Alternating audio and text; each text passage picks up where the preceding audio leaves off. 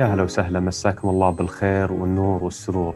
حياكم الله في بودكاست نطاسي أنا مقدمكم مشعل القضيبي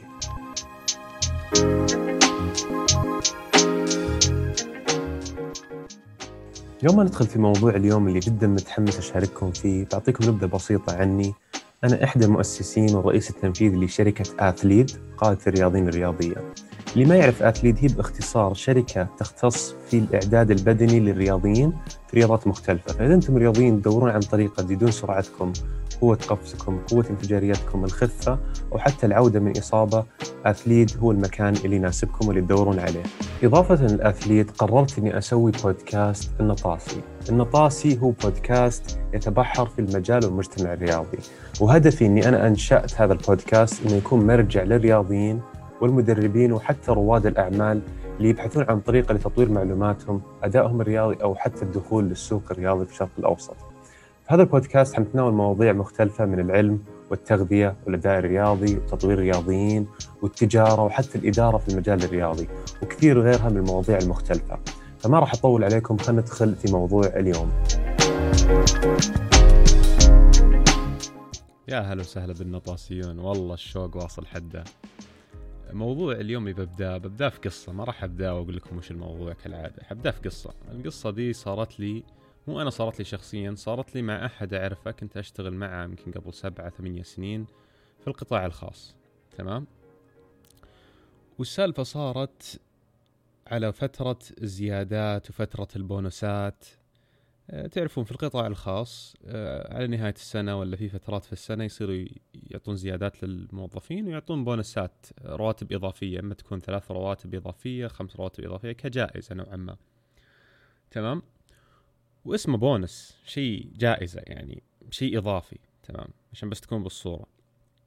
فأذكر كانت فترتها يعني توني تقريبا متخرج سنة سنتين من الجامعة ورحت وقاعد أشتغل إلى آخره وجت فترة ال آه، البونسات والزيادات جاء كلمني مديري كذا على الخاص قال لي شوف هذه السنة وماني عارف إيش وتعرف إن توك بادي وإلى آخره صعب ما قدرنا نجيب لك إلا راتبين. قلت له أنا الحمد لله والشكر أي شيء جايني إضافي بالعكس هذه نعمة. ردة فعلي كانت بالنسبة للناس وبالنسبة لمديري مرة غريبة فهو استغرب مديري و... وعادي مشت السالفة ما راح أدخل بعمق مو بهنا السالفة اللي بقول لكم إياها. جاء واحد من الأشخاص اللي أعرفهم صارت له نفس السالفة لكن ردة فعله كانت جدا مختلفة. يعني كمية ضيقة الصدر والكآبة وبدأ يدور وظيفة ثانية وكيف ما يعطوني زيادة و... وإلى آخره. طبعا أنا مو ضد الشخص اللي يكافح عشان ياخذ زيادة لكن أنا ضد الشخص اللي يأثر على نفسه ونفسيته وحياته وسعادته بسبب زي كذا تقريبا. وهذا السبب طبعا أو القصة هذه ليش قاعد أقولها؟ سببها شيء واحد ويأثر على جميع الأشخاص ومنهم أنا. قد طحت في ذا الخطأ أول وتعلمت وتربيت منه ولا عاد أسويه. وهو موضوع اليوم. يعني القصة هذه كلها قاعد أقول لكم إياها عشان أربط لكم هو ليش زعل ليش تضايق هذا الشخص اللي أعرفه. زعل وتضايق لأنه حط توقعات. حط توقعات هو نظر انها منطقية لكن الحياة ما اعطته هذا التوقع. فإيش نتج عن ذلك؟ نتج عن ذلك أشياء سلبية. آه، صار مكتئب صار ما له خلق يشتغل صارت علاقته مع مديرة متحسسة يعني صارت أشياء كثيرة ما لها داعي كله بسبب إنه حط توقع معين. تمام؟ وخسر الأشياء الإيجابية اللي كان يشوفها في المكان اللي يشتغل فيه. الحين ليش أبي أقول لكم وأتكلم عن وضع التوقعات؟ لأن كثير من الرياضيين والأشخاص في العمل يمرون علي ويعانون من مشاكل مختلفة. وبعطي مثال منها اللي هو التوتر والقلق والضغط والسترس فيجي رياضي يقول أنا متوتر أبغى أتخلص من التوتر. تمام؟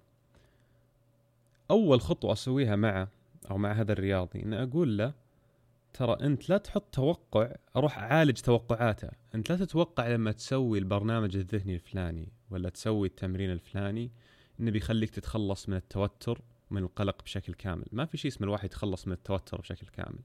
ما في. حتى أفضل لعيبة العالم. إذا حققوا بطولات العالم لسه يكون في توتر حتى لو نسبة واحد بالمية. وحتى رواد العالم يعني رواد ال business أو رواد الأعمال العالميين أو المدير العام للشركة مهما صار بيحس في توتر وقلق لو واحد بالمية. وغير كذا التوتر والقلق يجي في أشكال وأنواع مختلفة فإذا أنت تخلصت من التوتر والقلق في مكان معين بيطلع لك في مكان آخر. فمو منطقي إني أنا أحط توقعات إني ما أحس بتوتر طول حياتي. فأكثر شيء أواجهه من الرياضيين خاصة الصغار إني بتخلص من التوتر. الجانب الآخر اللي هو الناس اللي يشتغلون في الأعمال العامة والقطاع الخاص والقطاع الحكومي وغيره يصيروا يعانون من نفس المشكلة لكن في بيئة مختلفة. لأن زي المثال اللي أعطيته في بداية القصة يصير يحط توقعات معينة المفروض يتصرفها مديرة أو مديرته أو يحط توقعات معينة إن تصير له زيادات أو بونسات أو إلى آخره يحط توقعات إنه والله بيرسوني أدرس كورس معين ولا شيء معين. يصير يحط توقعات مو بيد إنه يتحكم فيها خارج عن سيطرته. فينتج عن ذلك الأسباب السلبية اللي تكلمت عنها. ممكن يصير يتوتر ويقلق زيادة ويزيد الضغط عنده. فالموضوع اللي قاعد أتكلم عنه اليوم كيف كيف أعطيكم شيء ملموس تطلعون منه؟ حاولوا إنكم أنتم تقللون التوقعات اللي تحطونها أكثر شيء ممكن. فدائما لما تبي تسوي شيء أو تبدأ مشروع أو تبدأ تتمرن أو تبدأ برنامج تغذية راجع توقعاتك. من أكثر العوائق اللي تصيب الشخص اللي يبدأ في التمرين التغذية أو عفوا في برنامج تغذية أو تمرين يصير يحط توقعات إني والله بوصل هذه النتيجة بثلاثة شهور. طيب هو يمكن صدق توقعه أو حسبته واقعية ضمن الدراسات والعلم لكن هو ما حسب العامل النفسي والاجتماعي ووضعه الحالي. فإذا أنا شخص وضعي الحالي أعرف إن الدنيا سايبة عندي وأحط توقعات إني لا هذا البرنامج بيغير حياتي بثلاثة شهور أحس إن توقعي شوي مو بواقعي. فخلصت الثلاثة شهور ولا وصلت الهدف إيش بيصير؟ بيصير في إحباط قوي يمكن مضاعف من إنكم حطيت توقع نوعا ما واقعي وعلمي نوعا ما أكثر. نفس الشيء لما أنا أجي أسوي تمرين ذهني وأبغى أتخلص من التوتر أو القلق ولا رحت عند life coach معين أبغى يساعدني في إني أتخلص من مشكلة ذهنية أعاني فيها اذا أنا حطيت توقع مرة خرافي إنه أوه مع ذا الشخص بتخلص من ذا الشيء تماما واستمريت مع ذا الشخص شهر شهرين ثلاثة ولسه قاعد أعاني من مشكلة بس إني ما لاحظت إن قلت الم... خلينا نقول وش الكلمة؟ خفت شدة المشكلة لكن لسه موجودة بس صرت أنا منعمي بسبب التوقع اللي أنا حطيته. فصار بيني وبين هذا الشخص عدم رضا في الخدمة إلى آخره صار مو جايز لي فطلعت أنا من الخدمة وصرت ما أشتغل معه بسبب إني ما تخلصت من هذا الشيء بسبب توقعي اللي ما هو بمنطقي. نفس الشيء لما نجي علاقاتنا مع أزواجنا مع أحبابنا مع أمهاتنا وعيالنا لما نجي نحط توقعات إن أتوقع أحط توقعات إن المفروض كذا أختي تتصرف المفروض كذا أخوي يتصرف المفروض كذا والدتي تتصرف المفروض كذا ولدي يتصرف. أنتم قاعدين تحطون توقعات. أنتم بالنسبة لكم هذا الشخص ممكن يتصرف بشكل معين هو يشوف إنه كويس لكن بسبب توقعاتكم صار سيء. فصار في مشكلة صار في هواش صار في اختلاف بسبب هذا التوقع الوهمي والغير واقعي. فإذا أنا علاقتي مع زملائي أنا أشوفها زي ما هي. مثلا أنا أتوقع والله إن ماجد فرضا أخوي يتصرف بهذه الطريقة المعينة تمام؟ ما تو... ما أقوم أحط توقعات معينة في بالي أعرف إن ماجد مستحيل يسويها. فهمت الفكرة؟ لأن إذا حطيتها في بالي ولا سواها ماجد بصير أتضايق من ماجد وأصير أشير أشيل بخاطري على ماجد وإلى آخره واصير يصير في حساسية بيني وبين علاقتي مع أخوي. فالمنطق اللي قاعد أوصل لكم إياه حتى في العلاقات لا تحطون توقعات غير منطقية. لا تحط توقعات إنه والله الولد ولدي المفروض يتصرف هذا الشكل بنتي لازم تتصرف هذا الشكل. لا شوفي بنتك وش شخصيتها من الأساس أو ولدك وش شخصيته من الأساس وشوفي الأشياء اللي كويسة فيه وبعدين راجعي توقعاتك. هل هو صدق قاعد يسوي أشياء كويسة أو هي قاعدة تسوي أشياء كويسة ولا أنا بس كذا أبغى يتصرفون بالشكل اللي أنا أبغاه؟ لأن أنا شخص مدلع. ترى غالبا الناس اللي يحطون توقعات ويزعلون إنها ما تصير أنا أشوفهم نظري مدلعين إنه أنا حاط توقع أبغى يصير ما صار زعلت. لا لا مو بكذا الدنيا. واتوقع إنكم عارفين هذا الشيء ما يحتاج إن أجي أقول لكم مو كذا الدنيا. لكن القول غير الفعل. مثال ثاني وأخير كنت بتكلم عنه في التوقعات خاصة الرياضيين. لما المدرب يجي يحط شخص في الاحتياط ويختار واحد كأساسي والثاني يحط احتياط. هذه المشكلة من أكبر المشاكل اللي يواجهون الرياضيين وما ألومهم صراحة. قد كنت في مكانهم وشعور خايس إن المدرب ما يختارك اساسي ويحطك احتياط. ممكن أنت تكون كويس ممكن تكون فعلا أنت أحسن من الشخص اللي دخله.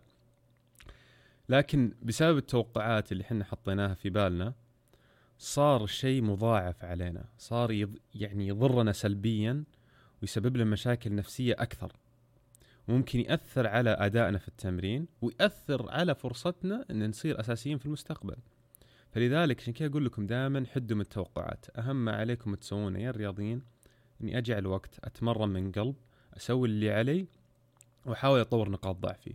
لعبني أساسي تمام. ما لعبني أساسي خلاص. لسه أحاول أخذها فرصة إن في شيء لازم أنا أطوره. اخذها فرصة إني أنا في احتياط أصير أطالع في المباراة أحاول أحلل أشوف استغلوا الفرص لا تخلون توقعاتكم تحد من تطوركم. نصيحتي النهائية من هذا الموضوع كله أو خلينا نقول نلخص الموضوع القصير هذا حاولوا تحدون من التوقعات حاولوا تعيشون حياتكم بالأشخاص والمعطيات اللي أمامكم وبعدين راجعوا توقعاتكم مرة ثانية. شوفوا ردة فعلكم كيف قاعدة تصير. هل هذه ردة الفعل صدق؟ خلينا نقول تستحق هذه ردة الفعل أو أنا بسبب إني حاط شيء في بالي صار هذه ردة الفعل. يعني الواحد لازم دائما يسأل ويراجع نفسه بينه وبين نفسه ويكلم نفسه هل صدق أنا حاط توقعات غير منطقية أو لا؟ خلنا نشوف المعطيات اللي أمامي. في النهاية أنا جاي مثلا أشتغل في عمل قاعد أستلم راتب. جاني بونس الحمد لله والشكر. ما جاني بونس اسمه بونس زيادة. ما جتني خلاص. مو براضي بالشيء اللي صار دور وظيفة ثانية. لا تخرب على نفسك وسمعتك في المكان اللي انت تشتغل فيه حتى في الرياضة. أنا والله ما جاز لي آه، الفريق الفلاني. لا تصير تخرب سمعتك في الفريق الفلاني عشان ما جاك ما جاء الشيء اللي انت متوقعه. خلاص مو بجايز لك دور فرصة ثانية أو حاول إنك انت تتعامل مع الموضوع بشكل أفضل وراجع نفسك.